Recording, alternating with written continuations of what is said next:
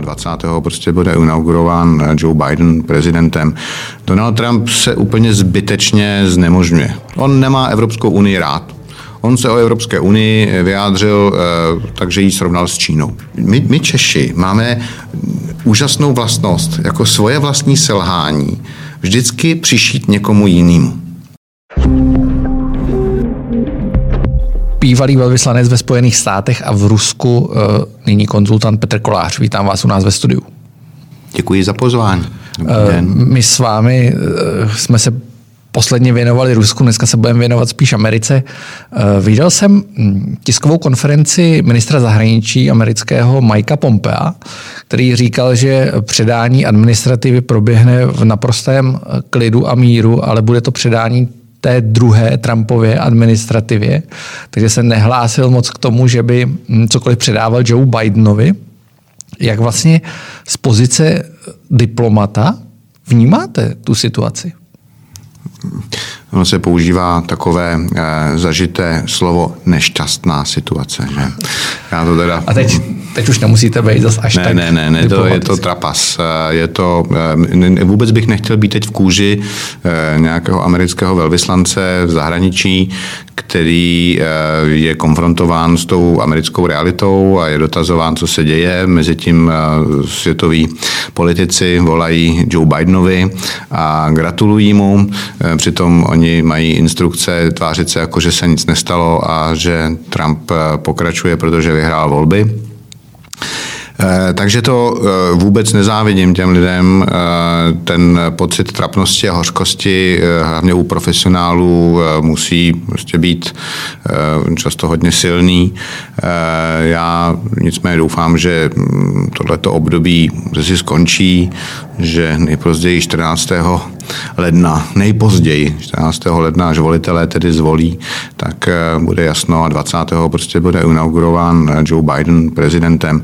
Donald Trump se úplně zbytečně znemožňuje. Já prostě nevím, co tím úplně sleduje, jestli si tím připravuje eh, pole pro svoji další politickou kariéru nebo pro nějakou reality show v americké televizi, kterou si třeba sám založí, nevím. Každopádně to té zemi neprospívá a tahle ta trapná opereta, ve které on je teda hlavní hrdina a myslí si, že kladný, tak eh, vůbec neprospívá nejenom Americe, ale ani jemu si myslím.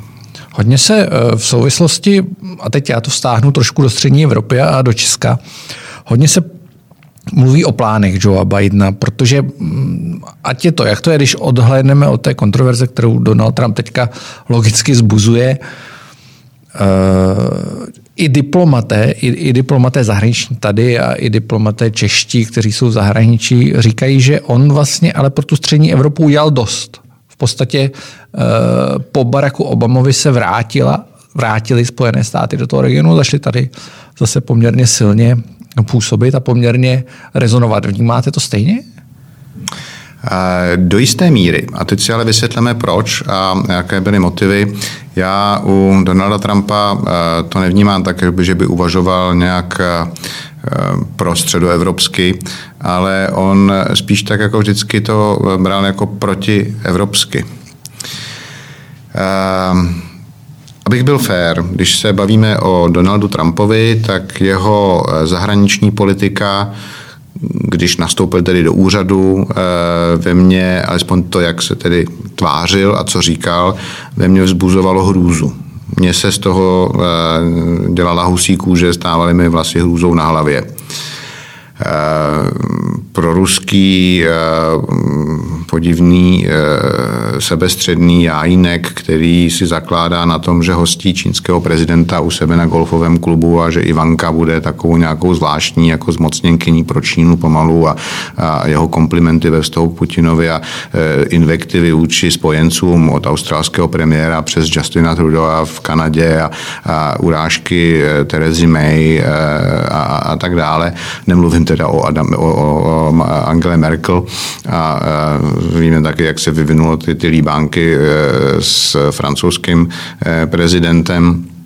Ale když potom teda francouzský prezident jinými slovy řekl to, co říkal Trump o, o NATO třeba, na to říkal, že obsolit překonané, že je potřeba to změnit, tak a, a, na, to, na to Macron řekl později něco, že na to má na to má mozkovou mrtvici, něco takového. No, tak to jsou francouzů to ale není takový překvapení. No u jako francouzů ne, u. Trumpa to bylo překvapení, ale ještě větší překvapení bylo, že ho za to ten Trump potom seřval, toho Macrona, za to, že to, eh, že řekl vlastně jinými slovy to, co říkal předtím eh, ten, eh, ten Trump, tak já jsem si říkal, jestli to ze strany Macrona nebyla taktika, jak přimět Trumpa, aby otočil. Možná, že to takhle bylo. Nevím. Každopádně ta jeho zahraniční politika na začátku vypadala děsivě a nekončilo to vůbec špatně. Eh, A tím nemyslím jenom Blízký východ, kde já osobně to pokládám za eh, velký úspěch, co se povedlo, hlavně ve vztahu k Izraeli a to, že eh, řada arabských států eh, chce nechce začala eh, Izrael respektovat a uznávat eh, že tam prostě došlo k posunu, který eh, dlouho nebyl vůbec výdaný. Eh, A tady se obávám, že trochu ta nová administrativa může eh, spíš se přiklonit na takovou tu evropskou notu, eh, to znamená eh, Palestina first a teprve potom Izrael.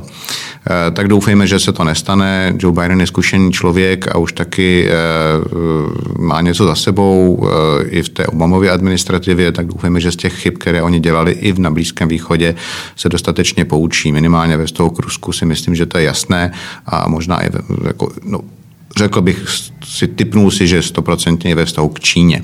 A teď k té Evropě, na kterou jste se ptal. Tak tady si myslím, že eh, Trump eh, využíval střední Evropu primárně jako trojského koně uvnitř Evropské unie. On nemá Evropskou unii rád. On se o Evropské unii vyjádřil, eh, takže ji srovnal s Čínou. Eh, Očividně a bezostyšně od začátku podporoval Brexit. Což je tak byl jeho největší spojenec Boris Johnson. Jo- Evropě. Johnson je doposud jeho největší spojenec. Uvidíme. Eh, Já nevím, jestli už Johnson někomu gratuloval nebo ne. Teď Ne, myslím, myslím, si, myslím si, že negratuloval Joe Bidenovi ještě. Zatím- zatím Viktor meč. Orbán mu ještě negratuloval. Myslím, No. že Jaroslav Kačinský ještě negratuloval. To mě nepřekvapuje. No a teď tím pádem... A Miloš se- Zeman už gratuloval Joe Bidenovi. Jistě, jistě, tak zase náš pan prezident uh, uh, není úplně uh, ten uh, nepraktický člověk, řekněme, tak jako no, možná ví, proč to dělá a správně, správně udělal. No, ale teď zpátky k té střední Evropě. Takže kromě toho, že tedy, jak jsem říkal, Donald Trump nemá rád Evropskou unii, nemá rád Angelu Merkel, nemá rád Brusel, Terezu May veřejně kritizoval za to, že je příliš měkká při brexitování a e, vlastně celou dobu e, svého působení dává najevo, jak ta Evropská unie je pro něj ne partner, ale v lepším případě konkurent a v poslední fázi už mluvil o otevřeném nepřátelství, když srovnával EU, Evropskou unii s Čínou.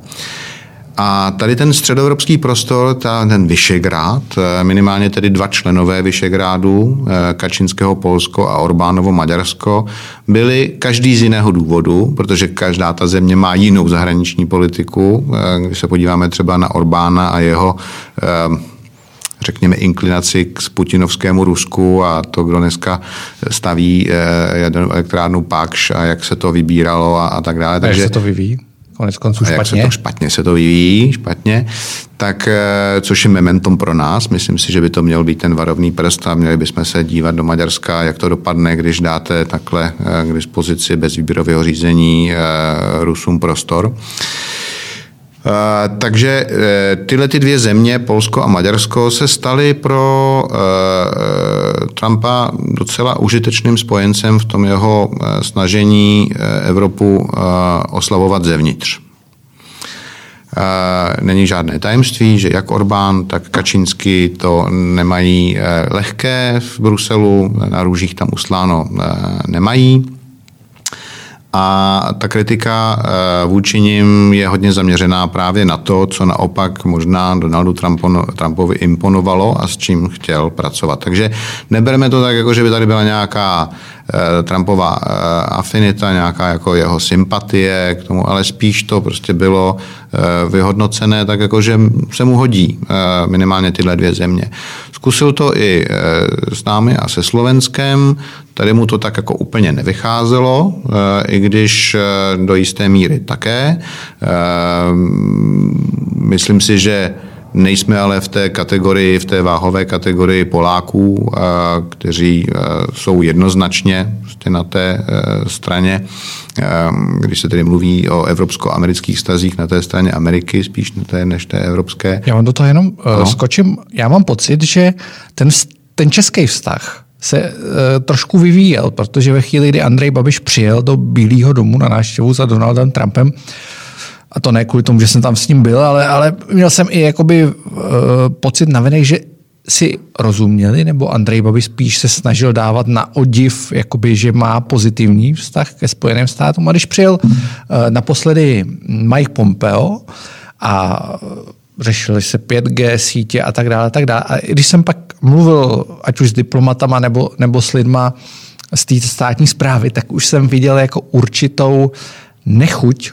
Vlastně oni měli pocit, že to zasahování ze strany Spojených států, co všechno s náma chtějí řešit, je moc.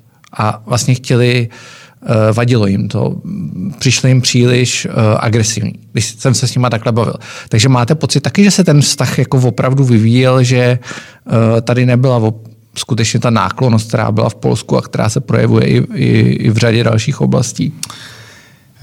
No tak jednak to, co po nás američané chtěli před tou poslední návštěvou Mike Pompea, Eh, to nebylo nic, eh, co by bylo nepatřičné z mého pohledu.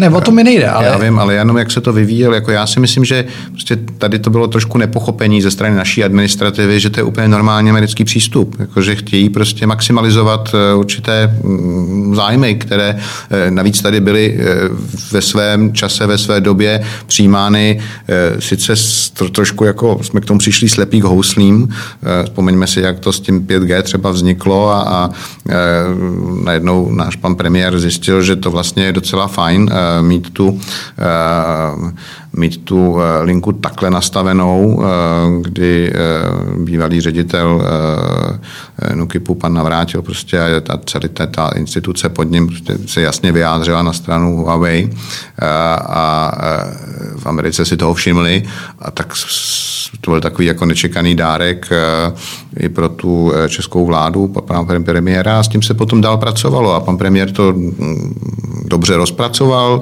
navázal na to, vy jste u toho byl, to jednání s Trumpem bylo, ano, k vzájemné sympatii a určitým, určité osobní chemii.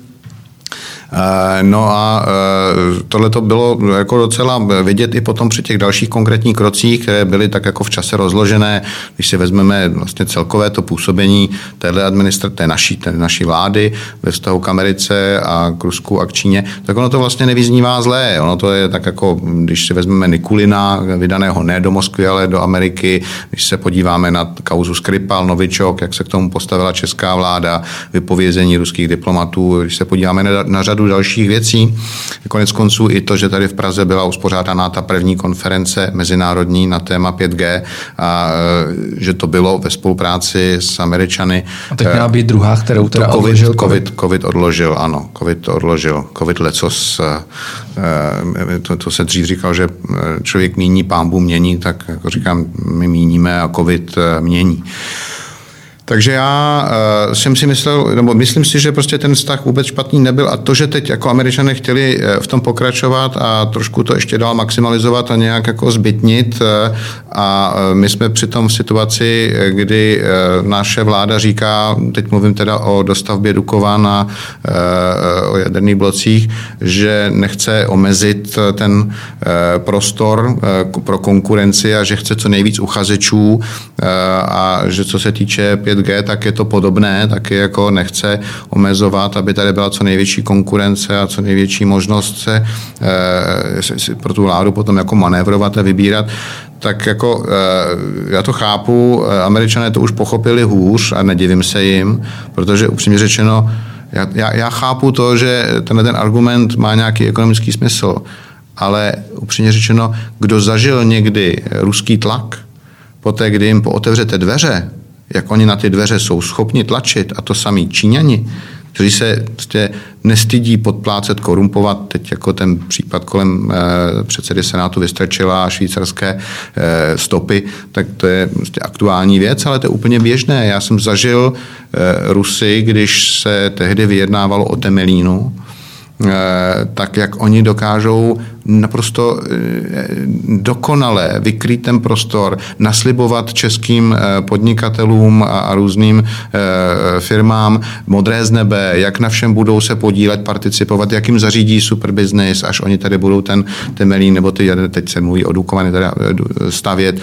Takže Eh, ten eh, ruský přístup je najednou takový, že oni si vytvoří jakousi svoji přirozenou pátou kolonu těch, kteří jsou na tom osobně eh, zainteresováni a zkuste to potom zastavit, kdy vám jako českému, ať už je to kdokoliv, ten český premiér nebo prezident, najednou budou eh, chodit eh, eh, dopisy a, a telefonáty od českých podnikatelů, kteří říkají, ale to nemůžete, protože my už tady v tom máme na invest, my jsme tady dostali přislíbeno, že se budeme na tom podílet. Takže oni vytvoří tlak, který prostě je potom těžko zastavitelný. A s tím souvisí a... vlastně ta, ta moje otázka, protože no. uh, třeba zrovna u toho 5G, kdy ta schoda byla jednoznačná a pak vláda vlastně z té pozice ustoupila časem. V podstatě zašla lavírovat a nedala to jednoznačný vyjádření, stále nedala. Ne, ne, tak ono to memorandum takhle.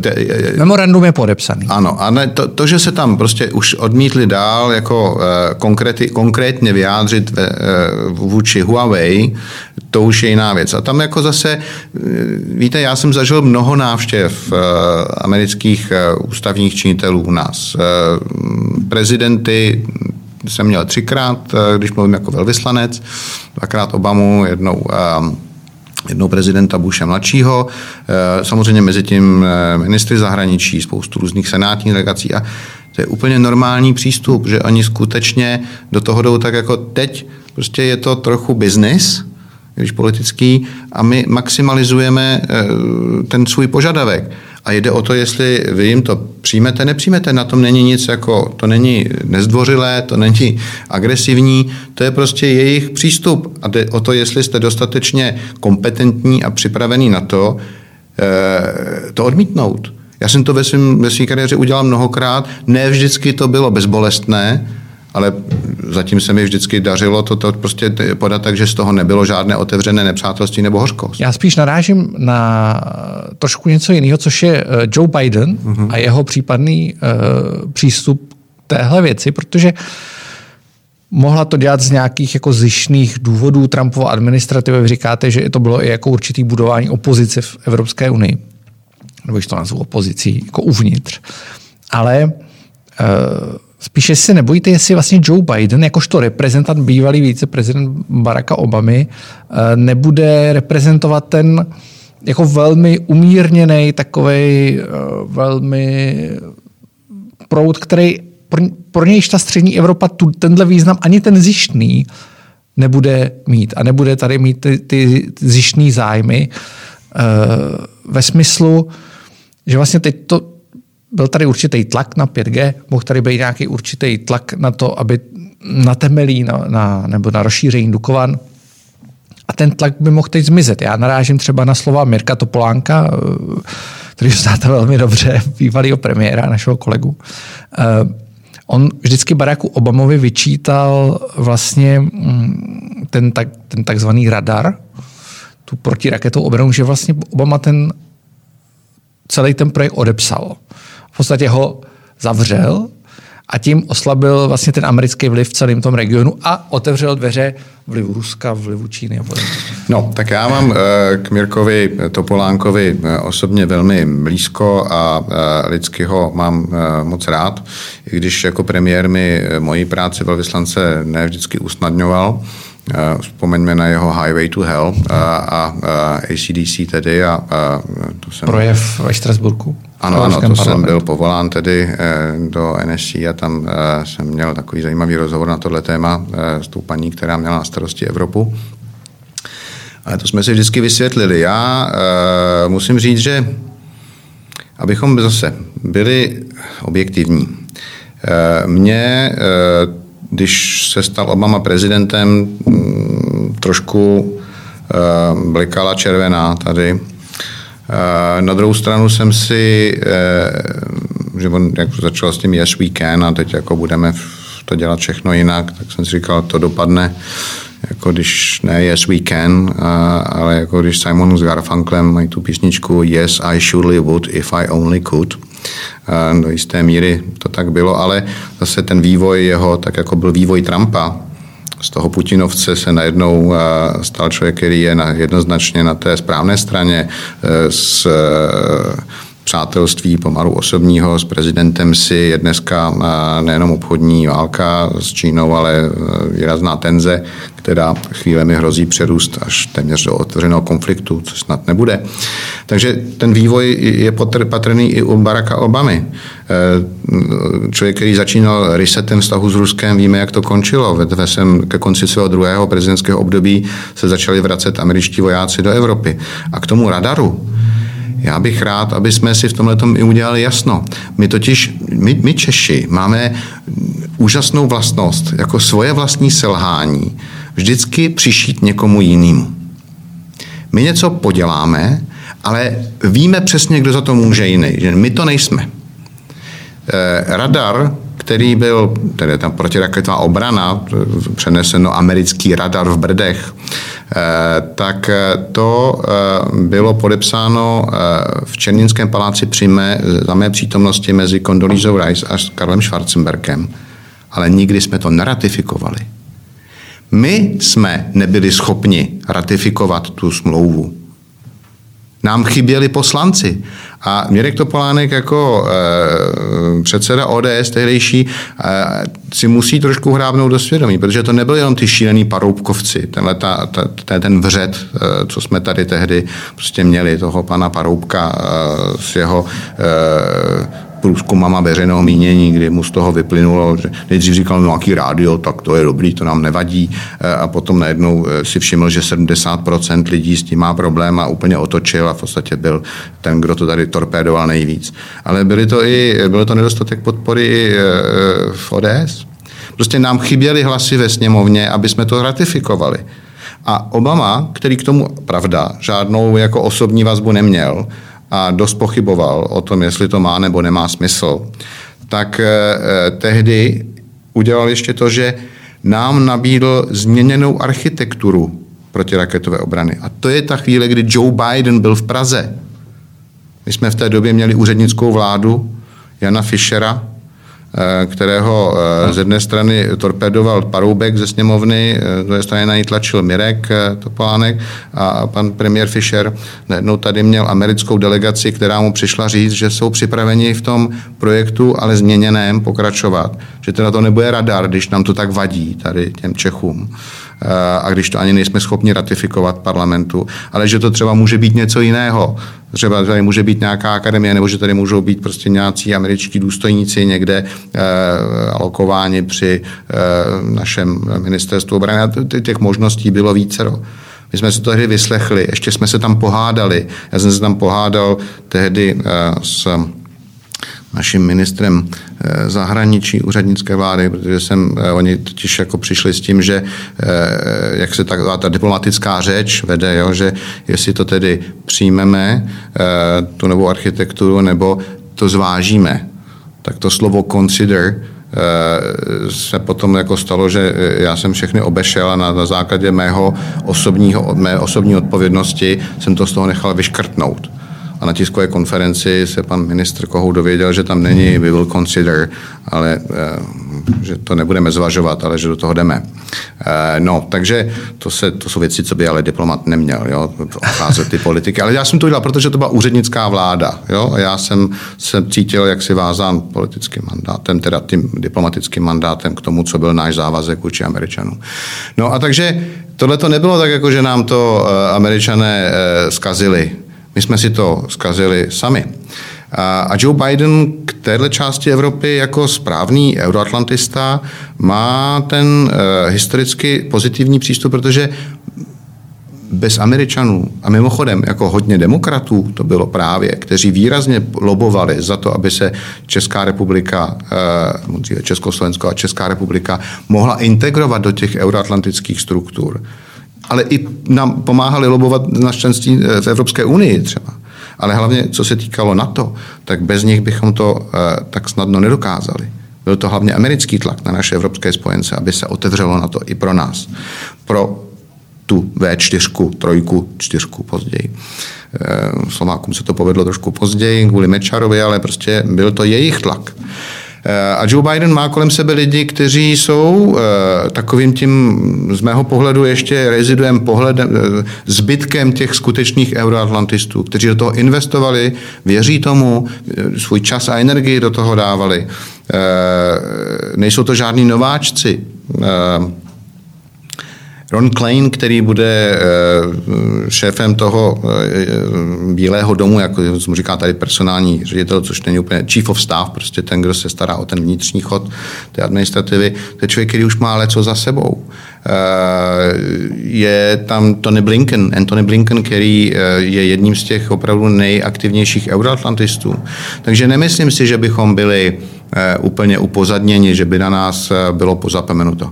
Ano, priority Joe Bidena na začátku budou jinde. On se definitivně bude snažit napravit ty vztahy, které teda nejsou nějak eh, růžové. Takže bude se jistě eh, soustředit víc na ten eh, prostor německo-francouzský, eh, asi na Brusel, eh, nebude odmítat Evropskou unii jako instituci eh, a bude se asi bavit i s Uršulou, takže doufáme, že tady teď jako nastane normální stav, normální komunikace, který ale nebude zase v růžových, růžovým brýlem a v rukavičkách. Já třeba nečekám, že se teď najednou vytáhne TTIP, transatlantická investiční obchodní dohoda z mrazáku a že se teď začneme o tom báječně do, přátelsky bavit. To nic takového nebude.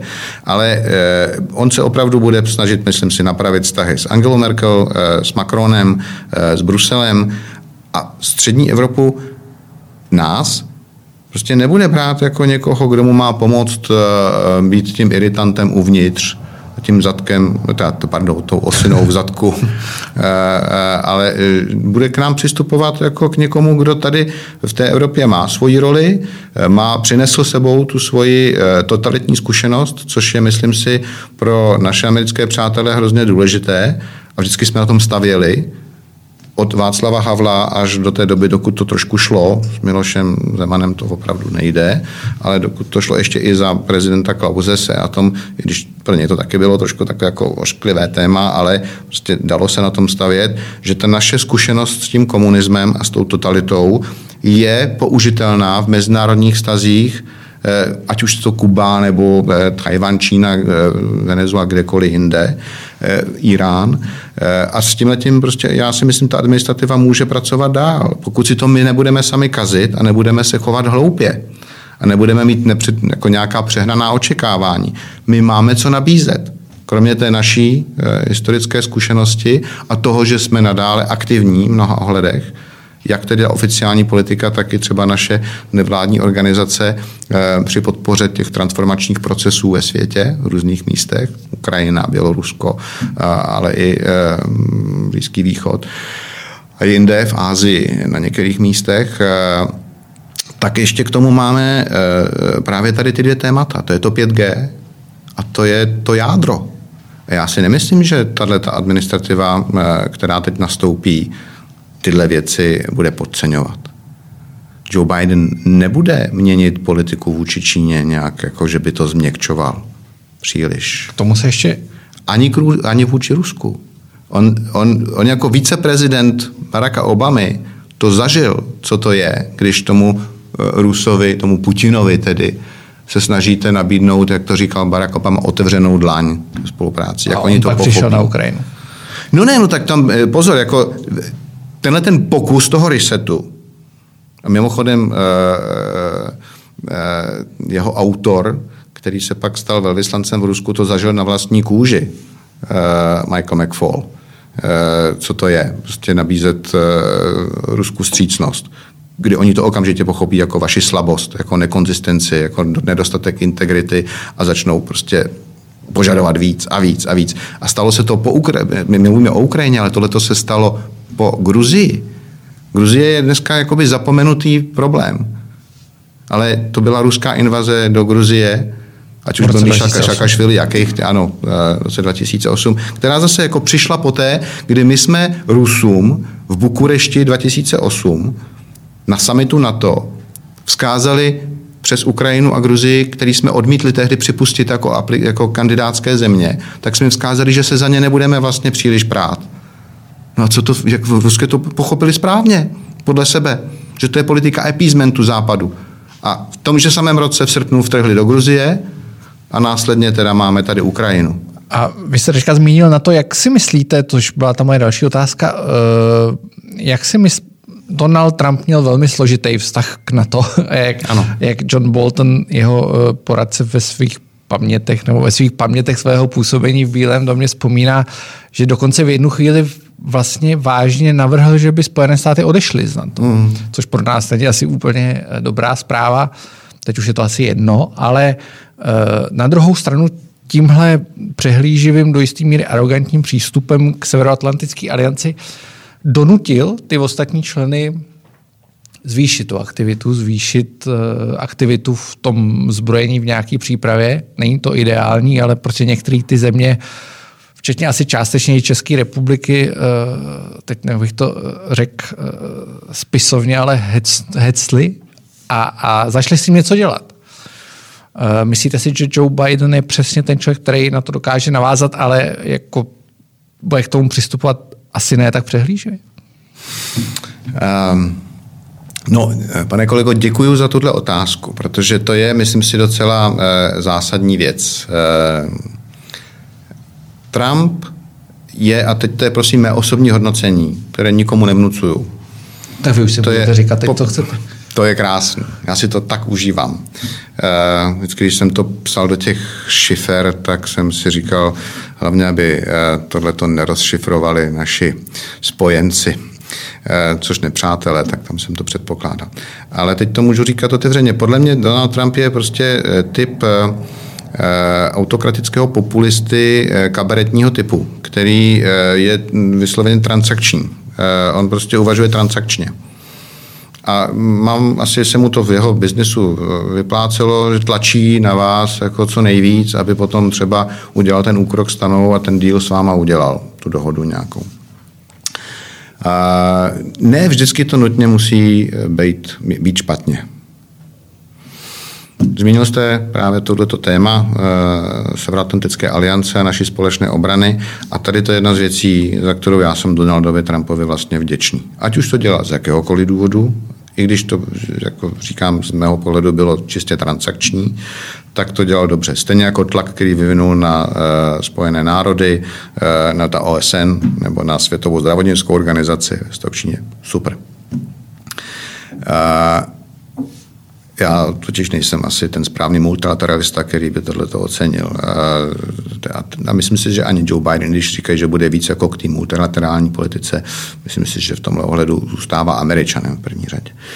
No takže já jsem za to vděčný, protože ten tlak na 2% na naše závazky, která máme mít, je, je potřebný.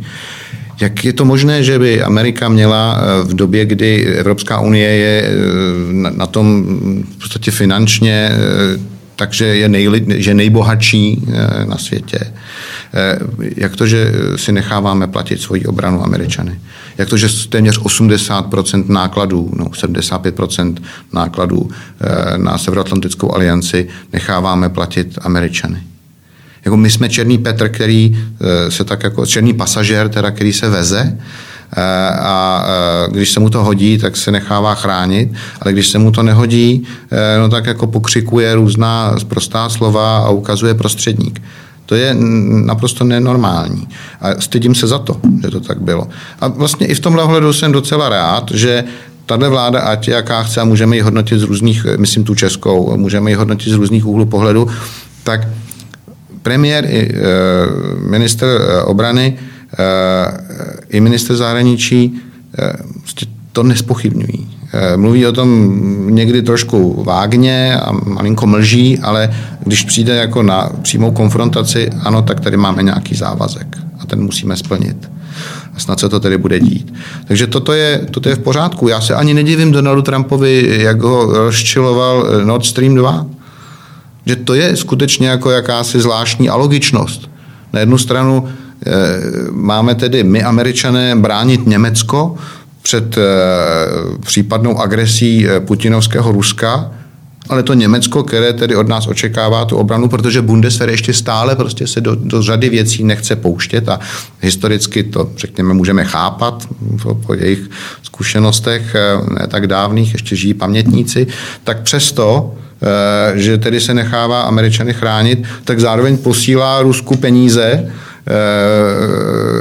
protože si od nich eh, kupuje a ještě s nimi staví teda a přitom obchází Polsko a Ukrajinu eh, troubu na dně moře přímo z Ruska do, do, do Německa.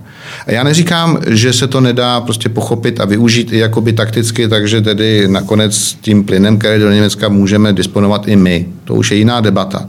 Ale symbolicky a vlastně i fakticky když ten, kdo vás ohrožuje, eh, od vás dostává peníze, které může použít na to, aby jeho kapacita váš, vás ohrožovat rostla, ale vy přitom se necháváte chránit někým jiným, tak to je přece nelogické. Takže já eh, se snažím vůči Donaldu Trumpovi přistupovat maximálně férově a objektivně. A to jsou, to jsou zrovna dvě věci, ve kterých mu eh, stoprocentně rozumím. Třetí věc, Čína. Čína? Ještě, já, uh, ta, ta věc se teďka hodně, hodně i v těch debatách, i, ať už diplomatických nebo novinářských, se objevuje ten moment, že Donald Trump, a teď asi je jedno, jestli to vycítil na základě eh, nějaký rady svých poradců nebo, nebo své administrativy, anebo to vycítil sám. Každopádně existuje poměrně výrazná schoda eh, na tom, že on vlastně vycítil, že teď je skutečně uh, jedna z mála možností uh, zabránit nástupu Číny jako velmoci číslo jedna a proto uh, vyostřil ten konflikt a že ve své podstatě udělal správnou věc, protože samozřejmě je, je tady nějaká situace a ta je i ekonomicky daná, kde Čína prostě neodvratitelně zatím stoupá za, za, za tím, aby se stala velmocí číslo jedna. A existuje ta takzvaná Tukidídova past, kdy prostě Eh, ve chvíli, kdy přichází, nastupuje rychle nějaká velmoc, tak hrozí konflikt mezi, mezi eh, těma velmocema s tím, že končí většinou špatně pro tu původní velmoc. Eh, a hodně se v téhle souvislosti mluví s Joeem Bidenem, jako člověkem, který nemá až takhle vyhraněný přístup jako Donald Trump, ale zároveň jsme viděli na konci té kampaně, že on se taky proti Číně dost vymezuje. Jak, jak to čekáte tady? Eh, tak já myslím, že eh, administrativa Joe Bidena bude eh, méně transakční a více navážena takové ty tradice té podpory lidských práv ve světě a podpory demokracie, což ve svém důsledku nakonec může být vlastně stejný tlak, akorát ten motiv je jiný, nebo ten přístup je trošku jiný, ale ten efekt, ten výsledek je stejný. Um, Což mimochodem teď takovou malinkou odbočku. Já když jsem se díval, jako jak tedy kdo, kdo volil, tak eh, mně přišlo eh, docela zvláštní, že ti eh, floričtí Kubánci, ty, ty, ty, ty američané kubánského původu, hlavně na Floridě, volili Donalda Trumpa, když ještě mají v paměti Kastra. Já si myslím, že jako v některých projevech a v některých takových těch vnějších dojmech toho chování a toho přístupu Trump s Castrem si byli mnohem podobní. Ne? Taková ale se asi báli zase, že jsou u demokratů nějaký komunisti. Třeba, no, to, takže... se, to se báli, ale to je eh, takhle. Eh, komunisti, to bych asi si netroufal říct, ale jsou tam dost šílený progresivistický eh, tendence v té levicové části demokratů tak jako u té pravicové části republikánů jsou zase tendence, které už jako chvílema eh, připomínají, eh, řekněme, eh, fašistické přístupy. Ale to jsou ty extrémy. No, to je vždycky všude. Mně by se nakonec nejvíc líbilo, kdyby středoví demokraté a středoví republikáni se dokázali do té míry sjednotit a fungovat v tom, co říkám, bipartisan, v tom, v tom nadstranickém módu, eh, že budou hlavně myslet na eh, Ameriku a na její spojence, protože ty extrémy na to nemyslí. Ty myslí hlavně na sebe. Eh, no, takže zpátky k Číně. Já si myslím, že u Joe Bidena budeme asi svědkem pokračování jistého tlaku na Čínu, kde zároveň můžeme očekávat i ten tlak na spojence Ameriky, a to tím myslím 5G, protože to je stejný případ jako ten Nord Stream 2. Jako eh, na jednu stranu se někoho obáváte, někdo vás eh, ohrožuje, ale přitom mu tedy pustíte ho zadními dvátky jako do, toho, eh, do, do své ložnice, do toho nejintimnějšího prostoru. Tak to nemá logiku. Takže tady myslím, že Joe Biden bude pokračovatelem Trumpovy politiky tlaku, bude to mít trochu jiný styl, budou tam jiné akcenty, ehm, řekněme, ta motivace bude eh, také do jisté míry jiná, ale ten efekt by mohl viditelně být podobný. Což je dobře, protože já si myslím, a to je názor, který eh, mám dlouhodobě podložený pozorováním toho, co, eh, nebo účastí na tom, co se, co se v mezinárodní politice děje, ta narůstající asertivita Číny a ta její uh, agresivita, ten, tato zbytnělé sebevědomí, uh, já myslím, že tady prostě bylo zapotřebí už jako vzít za, za brzdu a začít se tomu stavět, protože já ve své diplomatické praxi, když si vybavím, jak se chovali eh, čínští velvyslanci ještě dřív a za mě, a kdy jako taky jsme měli konflikty a, a, a protestovali a já jsem byl vyhlášen za nepřítele miliardy 300 milionů Číňanů oficiální notou, ale 14 dní na to mě pan čínský velvyslanec pozval na operu čínskou tady, takže to jsou všechno které jako jsem zažil a teď, když jsem viděl to chování té čínské diplomacie, ten, ta, ta, ten, ten nárůst té brutální síly a využívání toho, jako že oni jsou ti, kteří budou prostě určovat pravidla a my musíme poslouchat, protože nás takhle drží eh, ekonomicky takhle pod krkem, ano, ano, tak, pod krkem, pod krkem, eh, tak, eh, tak eh, prostě bylo potřeba se tomu zepřít a myslím, že Biden v tom bude pokračovat. Považujete ještě, zůstaneme u té Číny, byste řekli, že je vyhlášen za nepřítelem, což, což si vzpomínám ještě, ale považujete to za projev, často se hovoří o tom, že to je plán, že to je ten takzvaný ono to má pojmenovaný stoletý maraton, kdy, kdy Čína chce v roce 2049 oslavit vlastně století, sto let od založení republiky, no, republiky. E, tím, že bude velmoc číslo jedna, nepřekonatelná v podstatě. E, považujete to za projev toho plánu, protože e, hodně, spousta knížek o, o přesně tomhle stoletém maratonu. E, myslíte si, že tehdy už ty Číňané, se kterými jste e, hovořil, jako to brali tak, že teď se musí držet trošku vzadu, musí vás trošku jako vyvolat dojem, že eh, vlastně nic nechtějí, že se tak jako jenom snaží trpělivě učit s tím, že jednou přijde ta doba, kdy si řeknou o, o tu pozici? O tu um, nevím. Já si myslím, že tak úplně to není, ale já nejsem synolog, eh, nejsem expert eh, na Čínu. Spíš jsem měl svého času dojem, že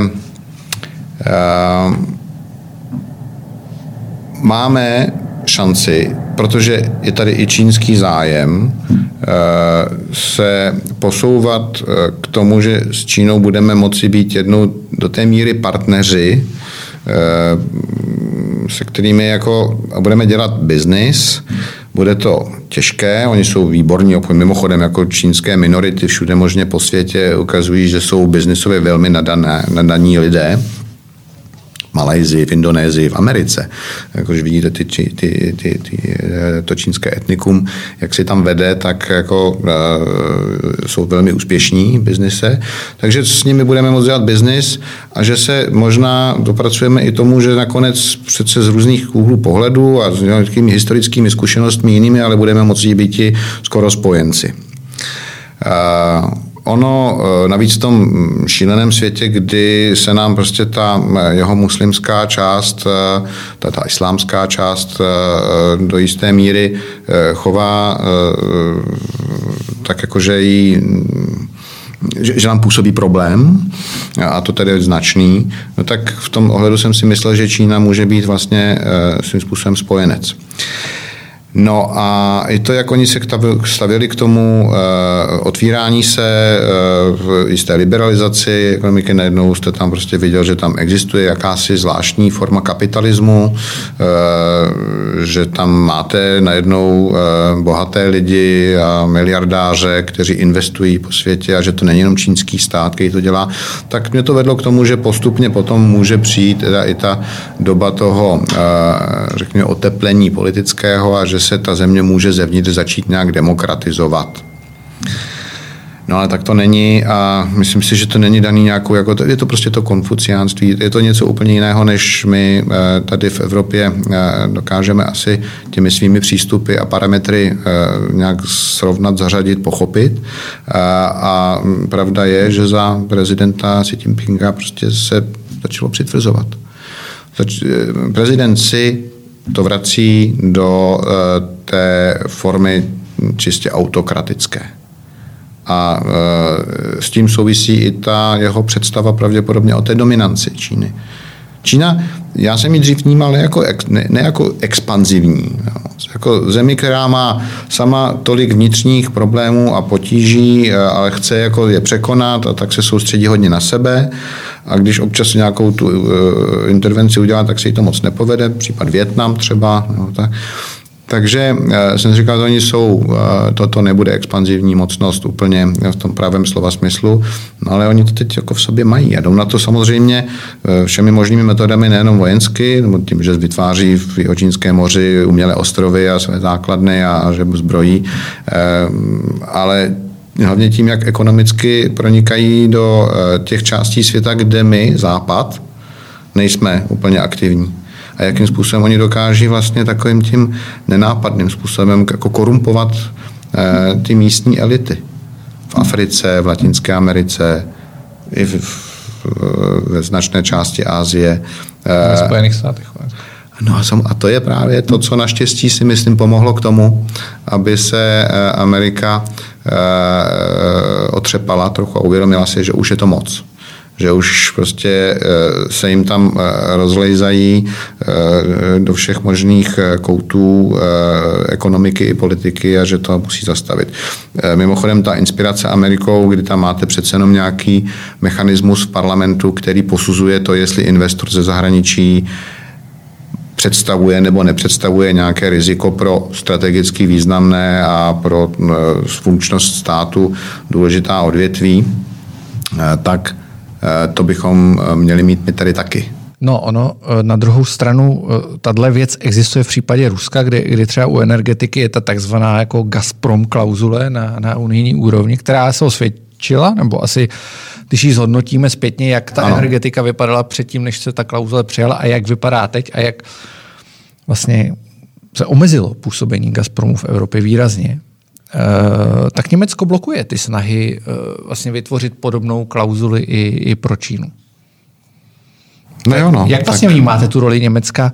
Asi moje poslední otázka, protože jsme eh, tradičně přetáhli, ale jak vnímáte tu roli Německa Německo vždycky mělo vztahy s velmocema, jakožto v podstatě regionální evropská velmoc, ale eh, když to srovnáme i s tím naším přístupem, i s tím třeba polským, maďarským, slovenským, eh, není tam toho obchodu jako až moc?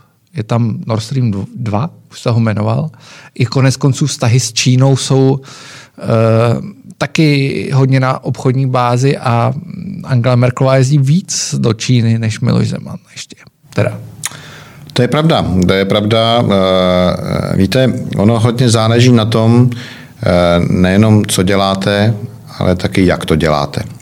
A když dva dělají to tež, nemusí to být to tež.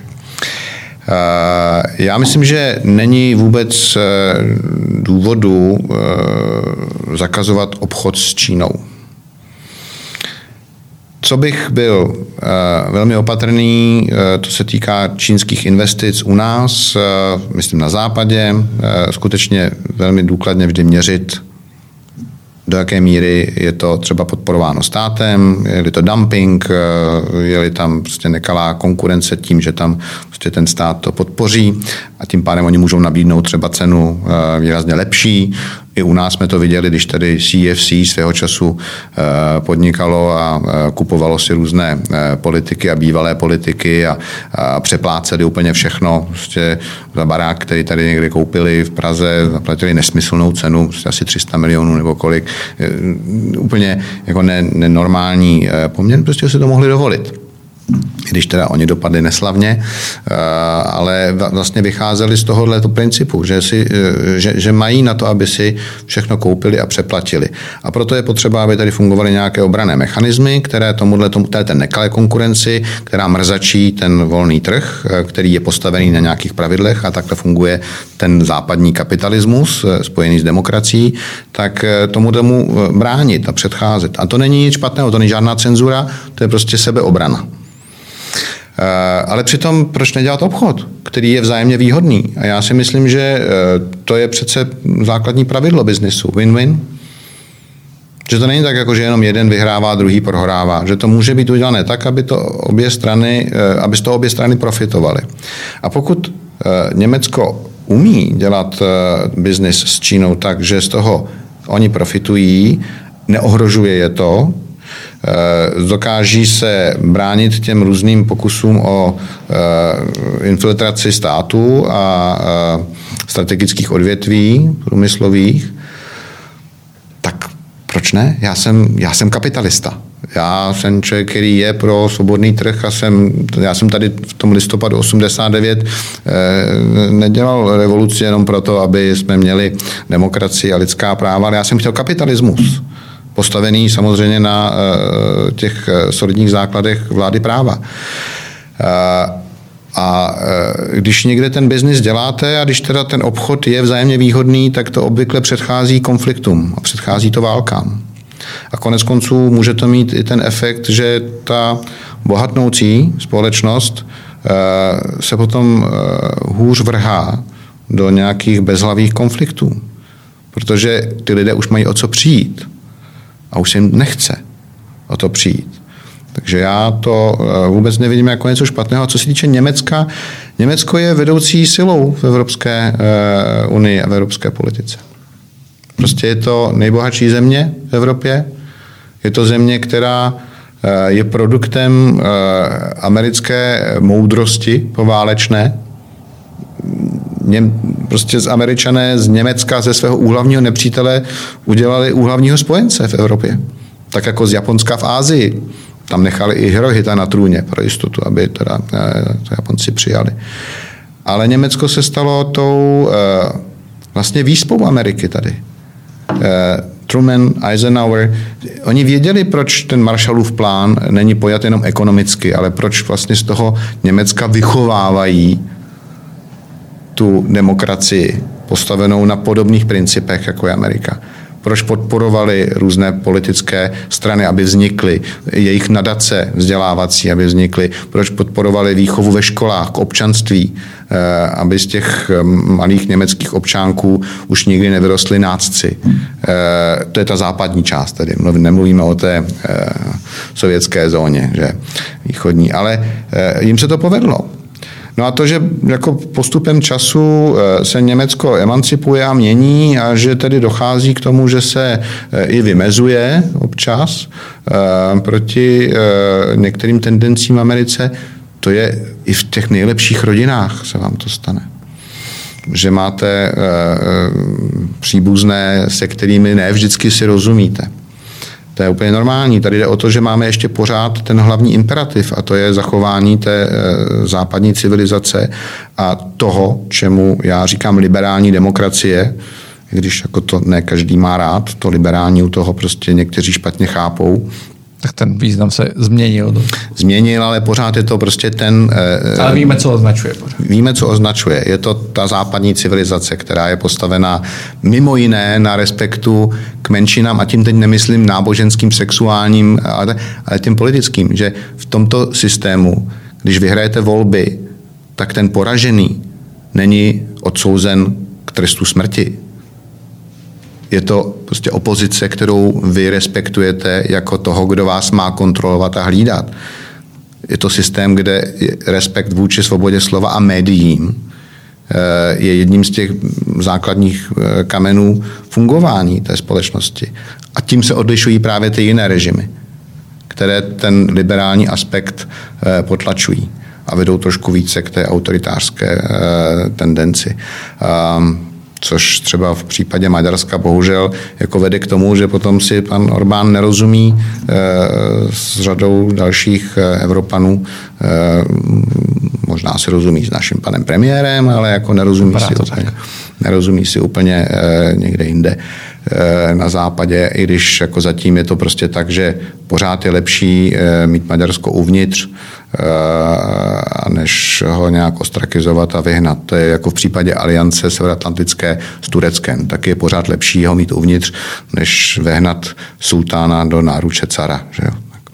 No takže k Německu. Já jsem eh, člověk, který si eh, váží toho, že Němci při tom, jak by nás všechno mohli, všem by mohli ukázat prostředník, a říct, jako my jsme nejbohatší, eh, my si prostě budeme dělat, eh, co chceme, co je pro nás nejvýhodnější a máme na to i prostředky a umíme vás jako manipulovat, tak se chovají vlastně velmi, eh, velmi evropsky, velmi moderátně a velmi euroatlanticky.